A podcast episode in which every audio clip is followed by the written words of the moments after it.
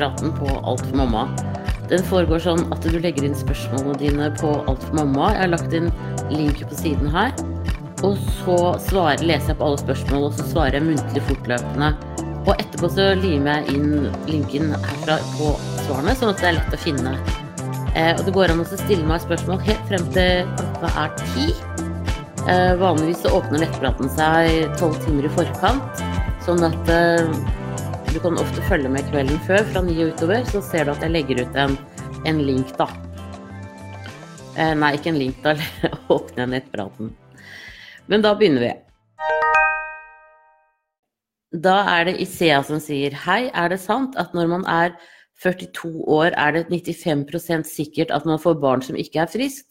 Nei, det er det heldigvis ikke. Det er ikke sant i det hele tatt. Eh, det er sånn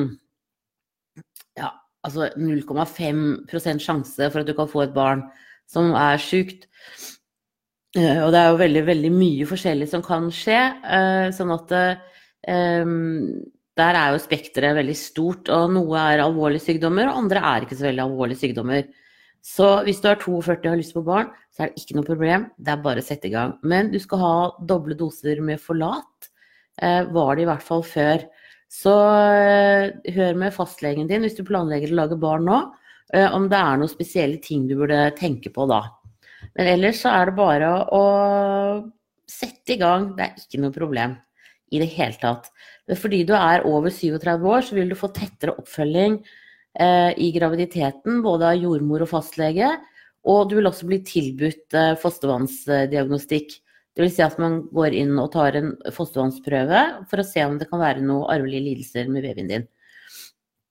Så det er liksom det som er eh, annerledes enn når du er under 37. Men 42 år er ingen alder. Da ønsker jeg deg riktig lykke til videre, og tusen takk for at du følger med her. Ha det bra! Og så er det Jenny som sier Hei, jeg hadde eggløsning et sted mellom 10. til 12. september. Mest sannsynlig 10. eller 11. og hadde ubeskyttet samleie den 8. september. Ca. tre til fire dager etter eggløsning fikk jeg ekstremt ømme bryster, så ømme at de kjentes under armene. Brystvorta ble større, murring i underlivet og stikking i lysken. Noen netter så sterkt at jeg slet med å sove. Har hatt hodepine, humørsvingninger og brekninger, plutselig kvalme. Har også hatt murringer i korsryggen og langs sidene av kroppen. Har nesten vært sikker på at jeg var gravid, men i går, elleve dager etter eggløsning, testet jeg negativ på Cleverly ukeindikator. Senere på dagen fikk jeg også utflodende rosa flekker. Tenkte først at det var et godt tegn, kanskje festeblødning. Resten av gårsdagen var fri for blod. I dag har det imidlertid kommet mer. Har mye menssmurringer både i underlivet og korsryggen, men lite blod fortsatt. Det er lys rosa. Tyntflytende. Kommer mest når jeg tisser. Har tisset. Har ikke utflod mer. Kan det fortsatt være en sjanse for at jeg er gravid? Jeg venter mensen 26.9. Pleier aldri å få mensen så mye før tida. Kan det være starten på en tidlig SA? Har ett barn fra før.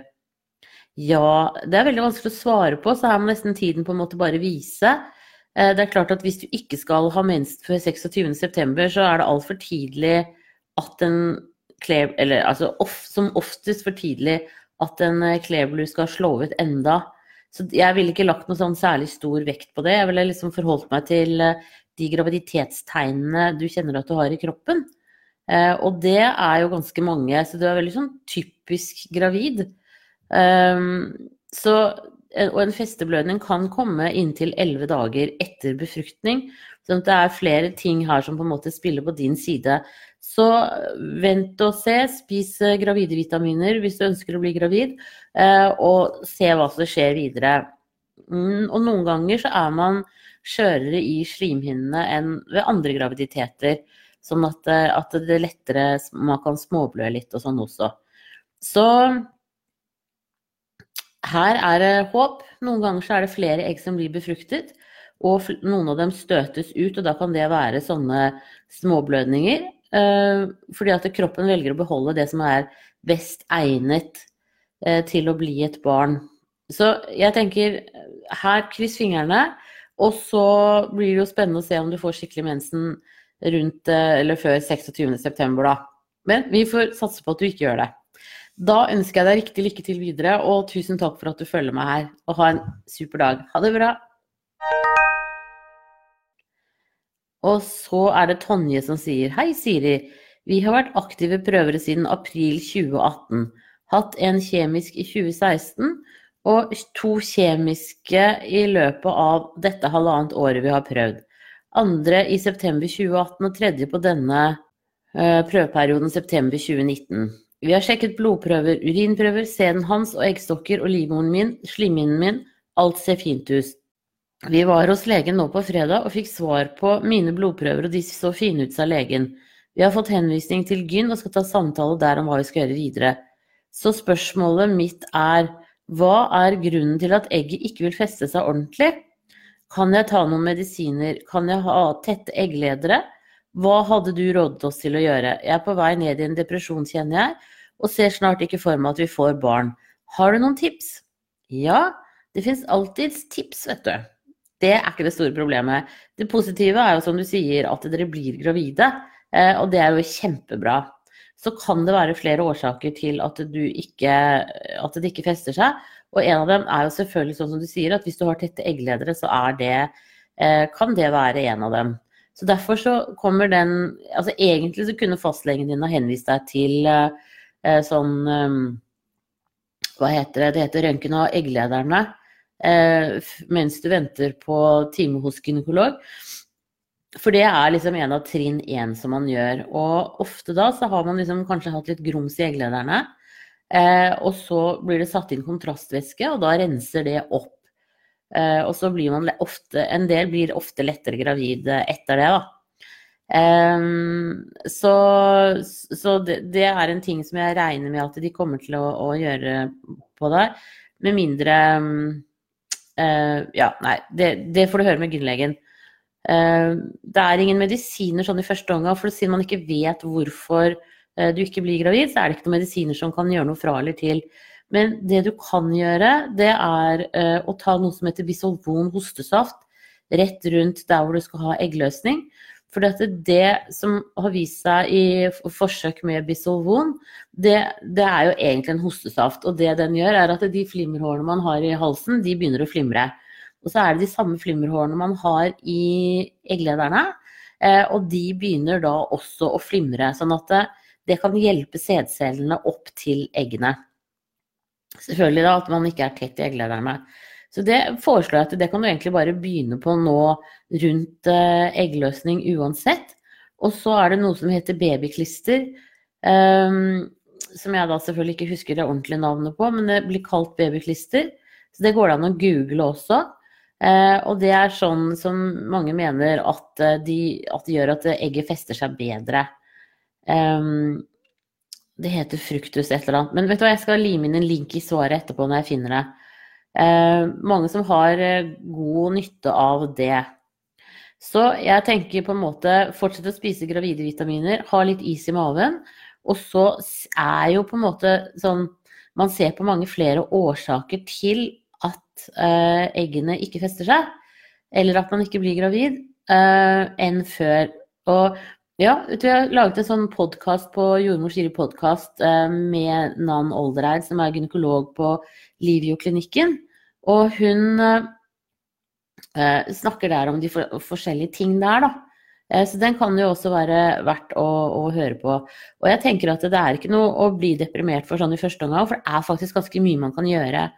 Eh, og i verste fall, hvis du skulle ha tette eggledere, så kan de fortsatt hente ut egg, eh, befrukte det utenfor kroppen, og så sette det inn igjen. Og nå har de, de dyrker dem i skap i flere dager, også der, da. For å se om, om, hvilket egg som er det beste til å, egnet til å sette inn igjen. Og Før så satte man inn flere egg, det gjør man ikke lenger. For man ser at det, eh, overlevelsesfrekvensen er mye bedre når man bare setter inn ett egg. Så jeg tenker at eh, ikke, ikke la depresjonen krype inn. Eh, bare ta det som det kommer. Men ha håp. Det, er, det skal antageligvis så finnes det en, en forklaring på dette eh, som, som, dere kan få hjelp med. Eh, det er, som jeg sa, mye enklere å få prøverørs- og assistert befruktning nå enn, enn før, fordi at man vet mye mer om årsakene, rett og slett. Så hold motet oppe og tenk positivt. Eh, og så eh, håper jeg du snart har den timen hos gynekologen. Eh, og så kommer dere til å få flere svar etter hvert. Dere får jo ikke det med en gang hos gynekologen, men da vil det bli tatt litt mer utvidede prøver og sånn enn det en fastlege vanligvis gjør. Så jeg krysser fingrene for dere, og riktig, riktig lykke til videre. Og tusen takk for at du følger meg her. Kom gjerne tilbake og fortell eh, hvordan det går, for det er jo alltid litt spennende å høre også. Da vil du ha en strålende dag videre. Ha det bra. Og så er det bekkenløsning som sier beste råd for bekkenløsningsplager jeg er bare tolv uker på vei, men er allerede så plaget at jeg er sykemeldt og det går utover dagliglivet. Smerter selv når jeg er i ro. Rådet til å spise Paracet, men effekten er minimal, og jeg er redd det skal påvirke lille i magen. Er sendt henvisning til fysio. Ja, det er jo selvfølgelig kjempetidlig å få bekkenløsning, og det skjønner jeg veldig godt at du Det er tungt. Eh, når det gjelder fysio, så kan du bare gå dit selv. Man trenger ikke rekvisisjon lenger. Eh, så det tenker jeg det er like greit å komme i gang med først og sist. Eh, hvis du har vært gravid tidligere, så tenker jeg, og du hadde fysioterapi da hos en som var bra, så bare tar du kontakt nå i dag og får time så fort som mulig. Fordi man kan gjøre en del mer forebyggende. Ofte så er det sånn at man første gangen man er gravid, så kjører man seg litt for langt og får litt mer vondt enn det man kanskje egentlig trenger. Mens andre gangen med litt tidligere behandling, så så, så hjelper det. Og så er det jo på en måte det å finne balansen i hva slags eh, bevegelser du kan drive med, og hva du ikke kan drive med. Eh, og eh, en del fysioterapeuter setter jo også akupunkturnåler, og det kan virke smertestillende. Og det kan også virke oppstrammende på sener og muskler, sånn at det, det kan faktisk ha effekt eh, når du har bekkenløsning. Det er i hvert fall forsøket verdt. Um, og så skjønner jeg også det med Paracet, at det er, er du litt bekymra for. For det viser jo forskning nå at uh, Paracet over lengre tid når man er gravid, er ikke bra. Uh, den derre og, de der fra UiO, de som søker etter folk nå i forhold til svangerskapskvalme, de har jo også gjort en, de farmasøytene der, en undersøkelse på dette med Paracet. Uh, jeg tror jeg har skrevet om det på Alt for mamma. Eh, at man da helst ikke skal gå på det i så mange dager. Men noen går jo helt fint. Så det er klart at det, eh, hvis du har liksom noen dager som er verre enn andre innimellom, så går det an å, gjøre, å ta det. Nå er du over tolv uker på vei, så da kan du ta uh, ibuprofen. Og det er uh, et annet virkestoff, og som ikke har samme effekt på fosteret, faktisk. Så eh, snakk med de på apoteket hva det er av mulige smertelindringer du kan ta. Og så er det ellers liksom på en måte det å holde seg innafor eh, den Altså sånn at du ikke provoserer de smertene for mye. Um, rett og slett. Eh, se om svømming, det å være i vann, bare å bevege seg i vann liksom, hvor man ikke har tyngdekraft og sånn, om det kan være noe for det også. En del steder, i hvert fall før, så hadde de, hadde de på en måte svømmekurs for kvinner med bekkenløsning, hvor du da hadde på Man har på seg flytevest, da. Sånn at man egentlig du blir holdt oppe, men du kan bevege deg eh, sånn som du vil innafor eh, eh, kroppens smertegrenser, da. Så eh, ta kontakt med fysio med en gang. Eh, på Landsforeningen for, mot, for, bek, for kvinner med bekkenløsningsplager, eh, så finnes det også litt tips å få der. Og der kan du også høre om det er noen som vet om en god fysioterapeut i området der hvor du bor. Så kom i gang med, med handling så fort som mulig. Da ønsker jeg deg riktig, riktig lykke til videre. Forresten, bare én ting til. Har du prøvd sånn belte? Eh, som du kan ha rundt eh, hoftene, og som har en sånn Ofte så er de på en måte har en sånn ned foran, sånn at du får plass til maven. Men det kan være med på å stabilisere bekkenet ditt utenifra og gjøre at du ikke er fullt så plaga. Det kan være forsøket verdt. Hvis du har et stramt skjerf som ikke er elastisk, altså sånn stoffskjerf som er vevet, eh, så kan du ta og binde det rundt hoftene dine nå ordentlig stramt. Eh, og så se om det hjelper. Hvis det hjelper, så kan et bekkenbelte med borrelås og litt mer sånn fininnstillinger eh, kanskje være noe for deg. Så prøv det. Eh, og hvis det virker som sagt, så kjøper du deg et ordentlig belte. Men da ønsker jeg deg riktig lykke til videre, og håper at du får god hjelp hos fysioterapeut også. Ha det bra! Og så er det voksen dame som sier Hei, Siri. Vil først bare si tusen takk for en flott tjeneste. Jeg er Det var veldig hyggelig å høre. Tusen takk. Jeg er 38 år og gravid for tredje gang. Jeg fant nylig ut av dette, så er vel litt over fem uker nå. Har derfor noen spørsmål.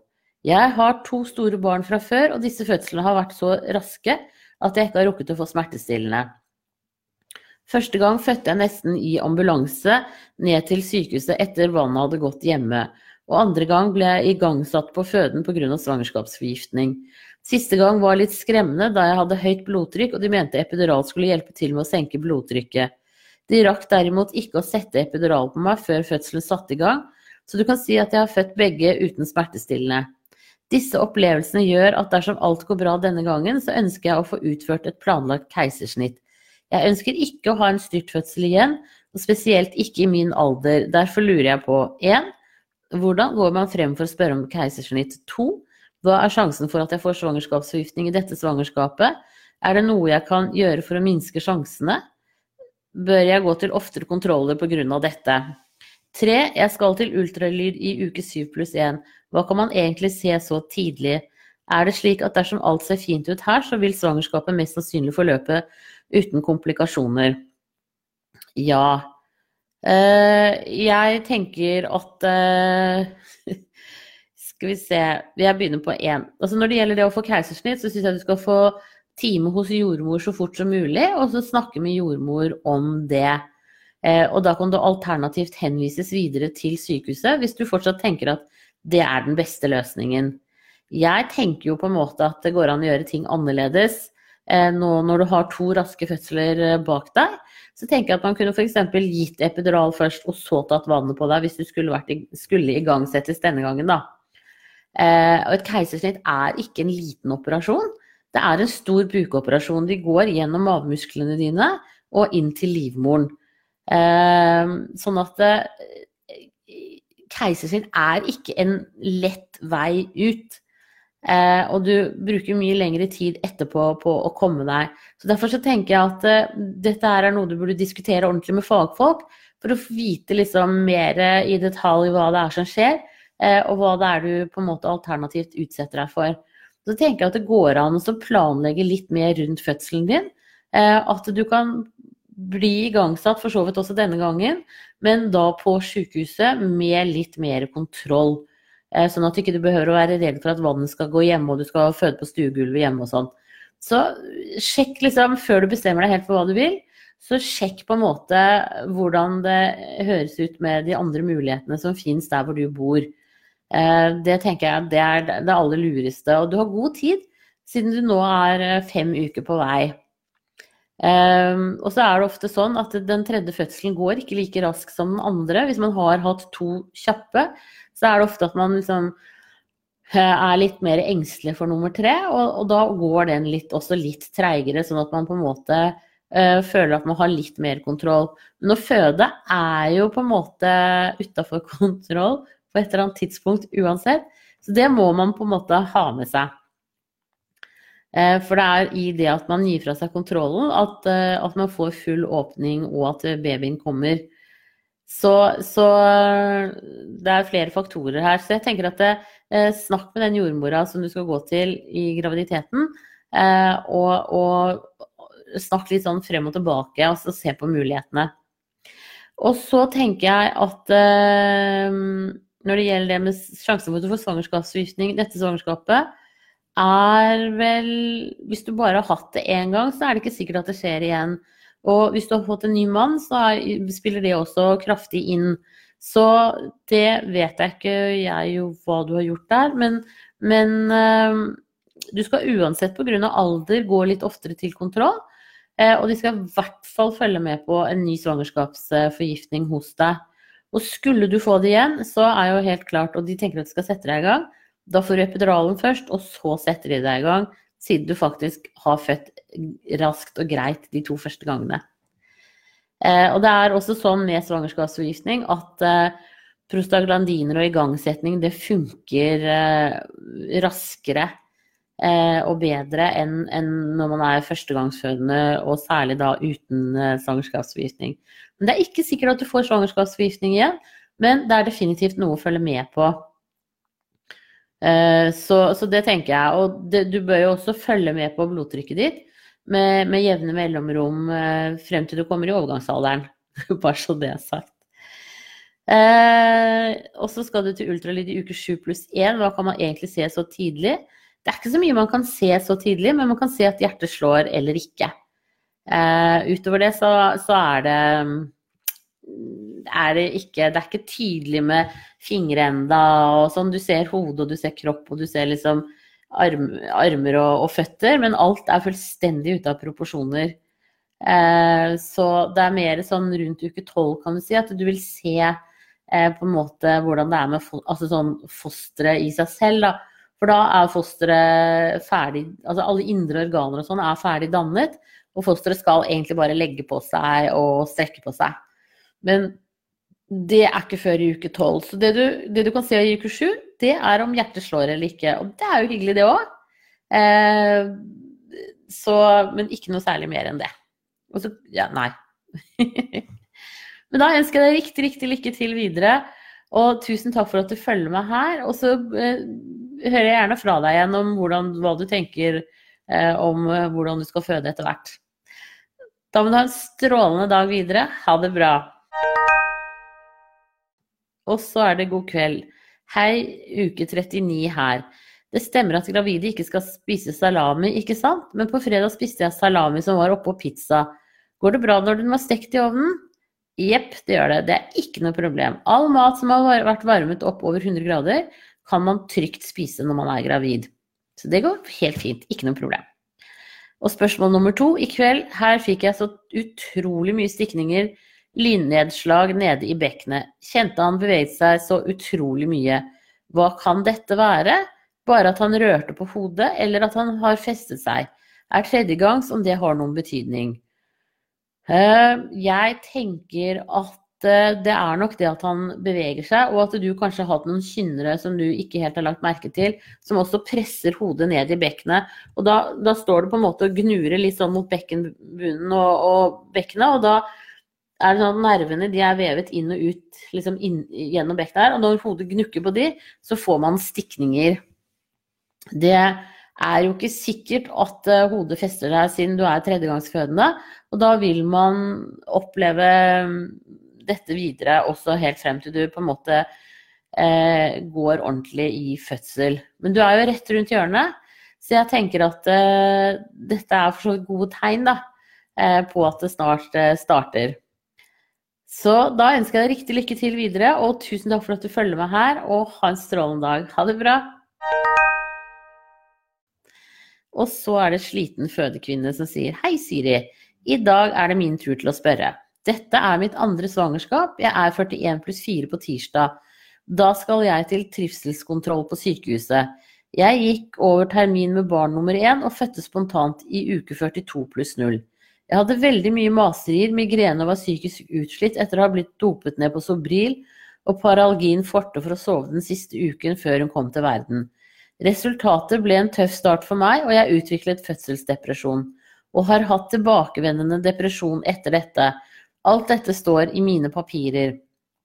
Er sjansen for at jeg kan bli satt i gang denne gangen den dagen jeg er på trivselskontroll? Uh, er sjansen der, ja. Jeg har også to timer kjøretur til sykehuset, noe som gjør meg urolig. Spesielt når jeg sliter med å skille mellom maserier og ekterier. Var på sist sykehuset sist uke på termindato pga. kraftig migrene, og da var det helt uaktuelt å sette meg i gang. Jeg følte at legen overkjørte meg, og jeg begynte å grine for jeg hadde så vondt og var så sliten. Nå er jeg redd det skjer igjen denne gangen. Jeg orker rett og slett ikke mer. Hvordan burde jeg gå frem for å få lov å bli satt i gang? Tusen takk for svar.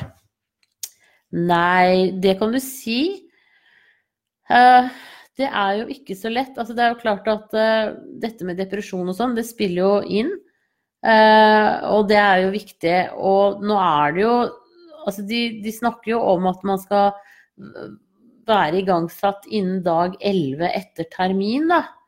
Så når du er 41 pluss 4, da er du ni dager på overtid. Så da er jeg egentlig bare to dager unna. Eh, så jeg syns du skal snakke, snakke, med dem, og så ha med deg kjæresten din eller en annen person som kan være med oss og støtte deg. Og hvis, øh, hvis du blir overkjørt av legen en gang til, så syns jeg du skal spørre om å få en second opinion, at du kan få snakke med en annen lege. Eventuelt hvis det er den samme legen en gang til, så tenker jeg at det på en måte ja, eller, altså, Uansett, hvis det er en lege som oppfører seg arrogant, så har man faktisk lov til å spørre om å få en annen lege. Eh, det, de har ikke lov til å, å, å herse med dere, eller oss, eller hva jeg skal si. Eh, så, så da syns jeg du skal si fra. Um, og så skjønner jeg veldig godt det at du, når du sier at du har to timer hver vei til sykehuset, det er jo et stykke det. Så ta med deg fødebagen og spør om de ikke kan på en måte i hvert fall strippe deg eh, og se om det kan starte noe. Det er ofte at det starter en fødsel på en annengangsfødende, og at, at, dere belager dere på at du er der en stund og tasser litt rundt for å se om fødselen da starter.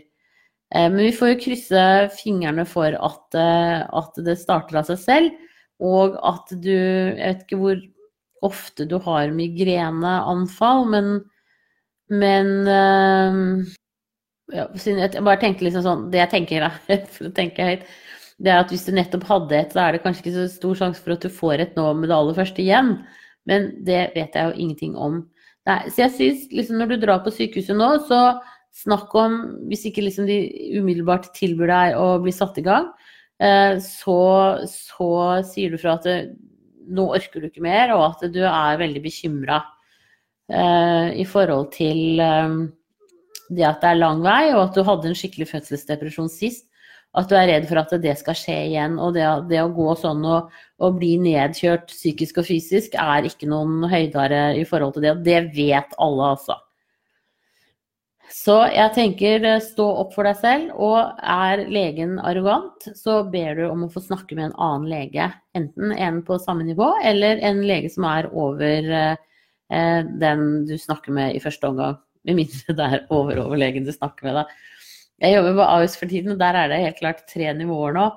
Sånn at, eh, at eh, sjansen for at det fins én overlege over der, er litt større. Og de har jo lengre erfaring og tenker ofte litt annerledes enn det disse på lavere nivå gjør. Så da tenker jeg at spør om å få snakke med en annen lege hvis det skjer. Um, for det er klart at det, er jo viktig å unngå at de som skal føde, blir så slitne at man ikke orker tanken på noe, noe som helst.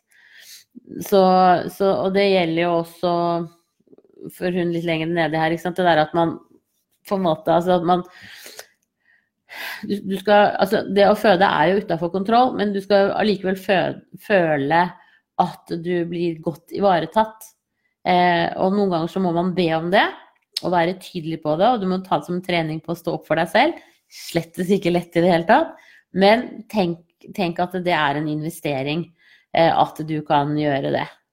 Så stå på, eh, og så ønsker jeg deg riktig lykke til, og kom gjerne tilbake og fortell hvordan dette her gikk, for det, jeg blir litt nysgjerrig noen ganger. Eh, men jeg tenker at det gjelder både altså Treffer du på en sur jordmor eller en sur lege eller en altså fastlege, gynlege, hva som helst, jordmødre på føden jordmødre i kommunen, så si fra. Eh, jeg tenker liksom livet er for kort til at folk skal sitte der og, og være sure. De har en jobb som de blir betalt for å gjøre. Så stå på. Jeg heier på deg. Vær rak i ryggen når du går inn, og tenk at liksom nå skal vi settes i gang her. Da ønsker jeg deg riktig lykke til videre, og tusen takk for at du følger meg. Ha det riktig bra. Og så er det Nattkvalme som sier Hei, takk for en fin podkast. Tusen takk. Jeg er i dag 38 pluss 6 og andregangsfødende. Jeg har ikke noe vondter, bortsett fra at jeg blir veldig kvalm gjennom natta. Jeg kan ikke huske at jeg var slik sist. Hva kan grunnen til dette være til dette. Tusen takk for svar. Da tenker jeg i første omgang på at du kan ha litt sånn sure oppstøt. Eh, og det kan være litt sånn ulmende og litt, også litt smerte. Så prøv å ligge på venstre side, og gjerne med en pute som gjør at du ligger ganske høyt med, med overkroppen. Enten to, um, to puter oppå hverandre, eller en sånn litt stor pute, eller en sofapute. Alt ettersom. Alt som får deg liksom litt høyere opp. sånn at det, for at det sure oppstøt kommer fordi at den lukkemuskelen øverst i mavesekken den er litt dårligere når man er gravid. Det er hormonelt betinget i første omgang, men så får du også press fra babyen oppover. Og Det gjør at litt av mavesyren presses ut i spiserøret, og det er ikke godt. Og det kan gi den derre kvalmende fornemmelsen. Så ikke spis eh, tung mat før du legger deg, eh, og prøv å sove litt mer i sånn sittende stilling. Og så er du jo veldig, veldig snart i mål, da. Så da ønsker jeg deg riktig, riktig lykke til videre, og tusen takk for at du følger med her. Ha, jo, du forresten, du kan selvfølgelig ta eh, syrenøytraliserende eh, som du får kjøpt på apoteket. Gaviscon er eh, sånn som legger seg som et lokk oppå. Alle disse smaker jo litt sånn sært, men, men det kan være forsøket verdt i forhold til at du da ikke våkner og er kvalm om natta. Da ønsker jeg deg riktig lykke til videre, og tusen takk for at du følger meg her. Ha det bra! Og så er det lysken. Hei, uke 38 pluss 6. Får av og til sykt vonde smerter i leddbånd nederst i magen. Noen ganger høyre side, andre ganger venstre. Hva er dette? Har hørt at det er vanlig i starten når livmoren vokser, men nå er jo babyen så stor. Ha-ha. Jo, eh, det handler jo om at disse båndene, de, de holder livmoren på plass. Eh, og de sitter liksom ned i lysken, og så sitter de opp under eh, ribbeina også. Eller, ja, og det De får på en måte de drag og strekninger på seg når, når babyen beveger seg, eller når du beveger deg. Så det er bare det at de er på en måte litt sånn støle nå. Eh, og, og, og, litt sånn, de er mindre elastiske pga. graviditetshormonene. Eh, og det kan gi disse vonde smertene i leddbåndene. Så det er eh, helt normalt, men ikke noe mindre plagsomt for det, da. Eh, så, men etter fødselen så vil det gi seg. Eh, og du føder jo snart, så da tenker jeg at dette par uker til, så går dette veldig bra. Så har du det mye bedre. Da ønsker jeg deg riktig lykke til videre, og tusen takk for at du følger med her. Ha det bra. Så er det etterier og brystspreng. Hei! Jeg sitter her med min perfekte lille datter som er fem dager gammel, passe nyforelska i henne. Men litt skår i gleden er disse etteriene som er så sabla vonde andregangsmamma. Tar Paracet og Ibux e hver sjette time pga. smertene. Etter sluttførsel hadde jeg to timer senere en blødning som resulterte i at jeg besvimte, og måtte observeres i noen timer og få et eller annet intravenøst. Blødningene stabiliserte seg, og så vidt jeg vet har jeg normal renselse nå. Men ettergir ja. Hvor lenge kan jeg forvente disse smertene? For ikke å snakke om brystspreng. Hva kan jeg gjøre for å lindre dette? Um, ja Altså, jeg tenker litt sånn derre Uh, altså du har, du har, jo fått uh, medisin intravenøs som gjorde at livmoren din skulle trekke seg sammen. Sånn at du har jo på en måte blitt litt sånn overdosert med, med livmorsammentrekkende uh, stoffer. Så det kan hende at det er det som gjør det. Det som kan hjelpe på det, er faktisk akupunktur. Sånn at du kan prøve å, å, gå til Hvis det finnes noen akupunktører i nærheten av der du bor, og, og få noen nåler for det.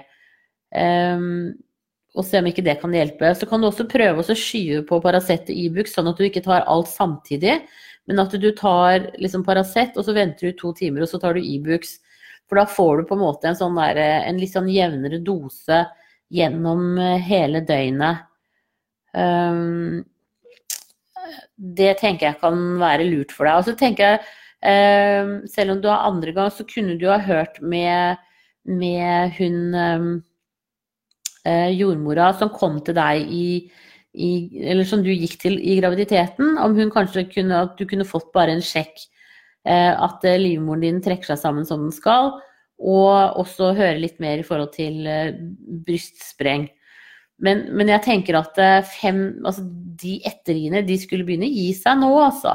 Så det er derfor jeg liksom tenker litt om kanskje du skulle ha At jordmor kunne ha kjent på livmoren din, bare for å sett at den, at den, trekker seg sammen, at det ikke er noen rester der. Så det er i hvert fall verdt å prøve. Og når det gjelder brystspreng, så er jo det Det er jo virkelig heftig. Uh, det også burde justere seg snart. Men det du kan gjøre, er at du har, hvis du har veldig mye melk, så kan du rett og slett gå i dusjen og så bare dusje og så bare la det renne.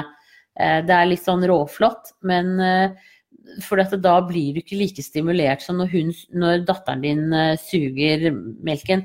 For når, når, de ammer, så stimulerer de jo både med munnen og det at de trekker melken ut, gjør at du blir stimulert til å lage enda mer melk. Og det samme hvis du også pumper deg, så stimulerer det. Men hvis man går i dusjen og bare lar det renne, bare klemmer forsiktig sånn at du starter den tømmerrefleksen, eh, så, så, stimulerer du ikke til mer melkeproduksjon samtidig. Eh, så det kan kjennes litt sånn det er eh, fantastisk råflott å bare la det renne ut i sluket. Men noen ganger så er det faktisk det eneste riktige. Og også passe på at du da bare ammer på ett bryst av gangen, sånn at du får ned produksjonen din litt. For jeg tipper at hun er glad og fornøyd og får den melken hun skal ha. Um, så derfor så kan du gå over til å amme på bare på hver side, altså eh, på annenhver side, da, ikke begge sider hver gang. Og det er klart at Når man kommer i sånn situasjon med økedager seinere, sånn, da skal man jo ta begge brystene hvert måltid. Men, men, sånn som med deg nå, så holder det faktisk med ett og ett bryst. Og da, da vil du på en måte senke din melkeproduksjon eh, og tilpasse deg hennes behov i mye større grad. Så jeg tenker at eh, nå, er det, enda tidlig på dagen, så ta, også, ta kontakt med jordmor som du gikk til i graviditeten, og hør om du kan komme inn for en sjekk. Hvis du ikke kan komme der, så kunne du eh, alternativt ha ringt til barsel Uh, og så snakket med dem der om, om, du kunne bare kommet inn og så fått at de bare kjente om de har, eller om de har en poliklinikk uh, ved det sykehuset du fødte, hvor du bare kan komme inn for en sjekk. For jeg, jeg tenker at liksom så sterke ettergir er uh, er kanskje litt lenge. Det skal liksom begynne å gi seg, altså. så jeg hadde, jeg hadde, liksom tenkt det. at det er greit å få en sjekk. Men da ønsker jeg deg riktig, riktig lykke til videre, og kos deg masse med prinsessa. Er jo, de er jo så søte når de er så små. ha det bra. Og så er det førstegangs som sier Hei, jeg venter mitt første barn og er generelt ganske engstelig. Jeg er 23 pluss 3 dager i dag og har de siste ukene opplevd at magen strammer seg mye. Noen ganger er den stram i flere timer. I helgen ble jeg sendt opp på føden da legen trodde jeg lakk fostervann. Det viste seg å være falsk alarm, men det ble også oppdaget at livmorhalsen min har gått fra å være 4,4 cm til 3,2 på en uke. Føden var ikke veldig bekymret for dette da den var tett og fin, og ba meg komme tilbake om tre uker for en kontroll. Jeg klarer ikke helt å slå meg til ro med dette. Er det virkelig ok at livmorhalsen krymper så mye på kort tid? Jeg tror det er kynner jeg har, og er redd for at de påvirker livmorhalsen min, og at det skal fortsette å bli kortere. Om den krymper den, i denne hastigheten, er det jo ikke noe mer igjen om en ukes tid. Ja, jeg skjønner godt at du er litt bekymra, men det tok det så sjekket urinen din for om du kan ha en urinveisinfeksjon. For en infeksjon kan jo gi, eh, gi uh, sterke kynnere som faktisk kan føde Unnskyld. Føre til for tidlig fødsel. Så, så, enten om du kan ha en infeksjon i skjeden eller i urinen, det er på en måte det viktigste å finne ut av. Så jeg syns du skal ringe til fastlegen din i dag og få dem til å sjekke hva som er tatt av prøver. Eh, for det skal komme opp på sånn uh, uh, prøvesvar og sånn som de bør stå i kopi på. Hvis ikke de vet noen ting i det hele tatt, så går det an å ringe på poliklinikken på sykehuset eh, og snakke med dem der om de har tatt disse prøvene. Hvis det ikke er tatt noen prøver av deg, eh, og du ikke har noen klar opplevelse at det er tatt en urinprøve eller en prøve av eh, skjeden, så syns jeg du skal be om det. Eh, for det er, det er, virkelig Det er veldig rart hvis ikke de har gjort det. Altså, de, de pleier alltid å gjøre det, men, men for sikkerhets skyld. Og så bør du jo selvfølgelig være sykemeldt til dette roer seg. Og så tenker jeg også at det du kan prøve er å ta maks doser med magnesium. Eh, for det kan også påvirke en litt sånn trigger-happy eh, muskulatur i livmoren også. Så det tenker jeg kan være en av de ting, blant de tingene du, kan, du prøve, kan, prøve. Men så er det selvfølgelig sånn at hvis ikke dette her roer seg, så, så bare ringer du på føden igjen. Eh, da må de jo på en måte se på deg på nytt og, og se hva de kan gjøre. Eh, noen ganger så kan man bli satt på, på sånn eh, medikamenter som gjør at, at, du ikke får så mye sammentrekninger i livmoren. Og da står man på det ut graviditeten. Og det kan jo hende at det trengs for deg, men det, det vil jo vise seg. Men ro er liksom også hjelpemiddel nummer to. Så, så jeg tenker at uh, ikke, ikke, gi deg liksom på dette her når du føler deg utrygg. Få en tettere oppfølging. Og så syns jeg også at du skal snakke med, med, med jordmor om dette, sånn at jordmor kan være med og backe deg. Så få sjekket dette her med, med bakterier i urinen eller i skjeden sykemelding, og så eh, tar du det derfra. Men også selvfølgelig, du ringer på føden hvis det blir hyppigere sammentrekninger, eller du syns de blir sterkere. Da ønsker jeg deg riktig, riktig lykke til videre, og håper at det roer seg. Eh, og du må i hvert fall også på en måte ikke, ikke være i veldig mye bevegelse. Det har de helt sikkert sagt til deg.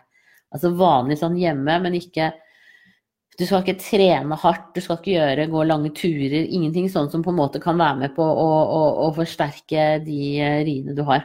Rier slash kynnere, eller hvordan man skal si det. Så stå på ditt. Um, ta kontakt når du føler deg utrygg igjen. Uansett tid på døgnet. Uh, og prøv også å se om ikke magnesium kan roe det hele ned litt. Da ønsker jeg deg riktig lykke til videre, og tusen takk for at du følger meg her. Ha det bra! Og så er det svangerskap som sier Hei, venter mitt fjerde barn, men det er da åtte år siden minste kom. Er tolv pluss 5 uker på vei, og i de to siste ukene har jeg blødd en del. Alt har vært rent uten klumper og lignende. Ikke noe smerter utenom korsryggsmerter. Bare de siste dagene er det illeluktende òg. Har ikke hatt noe som dette i andre svangerskap. Er det grunn til noen bekymring? Er det grunn nok til å bli undersøkt? Prøvde å få time hos fastlegen, men det var så mye om og men fra de. Fikk da time om 14 dager. Ja, men det er helt tullete. Du må bli sjekka nå med en gang. Eh, for hvis dette er en infeksjon, så trenger du antibiotika. Så jeg tenker at eh, eh du, du, har jo rett på akuttime hos eh, fastlegen. Hvis ikke fastlegen kan gi deg en akuttime, så prøver du å ringe poliklinikken ved sykehuset der hvor du skal føde. Hvis ikke de vil se på deg, så får du ringe til legevakta, for du skal ses på i dag. Eh, det er superviktig, for det er illeluktende utflod og med liksom smerter i korsryggen og sterke kynnere. Da er det tegn på at det er en infeksjon i kroppen din. Så det skal du få sjekket. Og så får du bare si til de der eh, hos fastlegen at det der er bare tull. Hilser av meg. Nei da, det må de gjerne gjøre. Men, det, men de skal jo ha akuttimer. Du kan jo ikke, du kan jo ikke sitte der og være kjempesjuk og måtte vente i 14 dager. Det er tull. Altså, nå mener jeg ikke at du er kjempesyk, men, men altså sånn, ja, det er for dårlig. Eh, så, så få hjelp i dag. Enten da poliklinikken der hvor du skal føde, eller eh, en, en legevakt. Eh, det må du få gjort. Og så tenker jeg at det kan også hende at du da skulle hatt en sykemelding inntil den infeksjonen er ferdig behandlet. Så supert at du passer godt på deg selv, og gå nå og få skikkelig god hjelp. Da ønsker jeg deg riktig lykke til videre, og tusen takk for at du følger meg her. Ha det bra! Og så er det en ny graviditet som sier Hei, Siri. Jeg, jeg, ser, jeg bare si en ting først. Jeg ser at det er flere av dere som bare legger inn hei og sånn.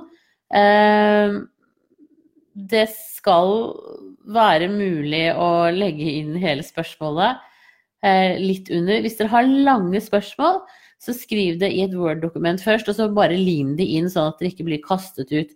Men vi har en sånn captcha-funksjon på siden, og det er fordi at jeg blir så innmari spammet av sånne roboter, og den kan være litt kjapp på å kaste folk ut. Så får du ikke liksom stilt Altså forsvinner spørsmålet ditt mens du skriver. Eh, skri, legg det inn i et Word-dokument, og så Eller ta kopi av det før du lagrer. Eh, sånn at, eh, at, du helt sikkert får det med. Men ikke gi dere. Jeg er her i, i et kvarter til. Eh, så selv om dette her er spørsmål som kommer nå, er det siste skriftlige, nei, muntlige, så, så tenker jeg at eh, jeg svarer skriftlig på de som kommer inn etterpå. Men da er det tilbake til dette. Ny graviditet. Hei, Siri. Fikk mitt første barn for snart elleve måneder siden og ønsker et barn til. Det ble keisersnitt som følge av at fosterlyden sank under riene. Er det greit å prøve på nummer to nå, eller bør man vente lenger fordi jeg hadde keisersnitt? Har hørt at det er en liten sjanse for livmorruptur ved eventuelt et nytt tett svangerskap. Og til slutt, ønsker gjerne å føde vaginalt ved neste svangerskap. Er det vanlig at det ender i et nytt keisersnitt hvis den første kom på den måten? Takk for svar. Uh, nei, uh, du behøver ikke å ende i keisersnitt neste gang, og du kan absolutt uh, føde vaginalt neste gang hvis ikke det skjer noe spesielt. Når fosterlyden sank under riene på forrige gang, så var det antageligvis fordi navlesnoren lå i klem, eller kanskje babyen hadde den rundt halsen eller noe sånt noe. Det er sånne, sånne ting som er spesifikke for den forrige graviditeten, og behøver aldeles ikke å, å, gjenta seg denne gangen. Så jeg tenker at du behøver ikke være noe bekymra Uh, her er det bare å, å tenke at du skal føde vaginalt neste gang. Eh, det er sånn at det, det går fint an å få å prøve, begynne å prøve å bli gravid igjen nå. Eh, for man regner vel sånn tolv måneder Altså sånn ett ett, når, når, det har gått ett år fra forrige fødsel, så er det meste tilbakedannet. Så da kan du godt eh, prøve igjen. Så, så det skal ikke være noe problem i det hele tatt, det altså. Så men husk at det kan ta inntil ett år fra man begynner å prøve, til man blir gravid. Eh, og det kan jo være greit å ha med seg i bakhodet. Så begynn å spise eh, gravidvitaminer nå, eh, hvis ikke du allerede har begynt med det. Da ønsker jeg deg riktig lykke til videre, og tusen takk for at du følger med her. Da var det dagens siste skriftlige spørsmål. Nei, ja, nei. Det var siste spørsmål nå. Så hvis det kommer flere, så svarer jeg på de skriftlige. Da må dere ha en strålende dag, og tusen takk for at dere følger med her. Og tips gjerne andre som dere kjenner i samme situasjon om at uh, sidene fins og disse nettpratene fins. Så er det kjempehyggelig. Da må dere ha en strålende dag. Ha det riktig bra.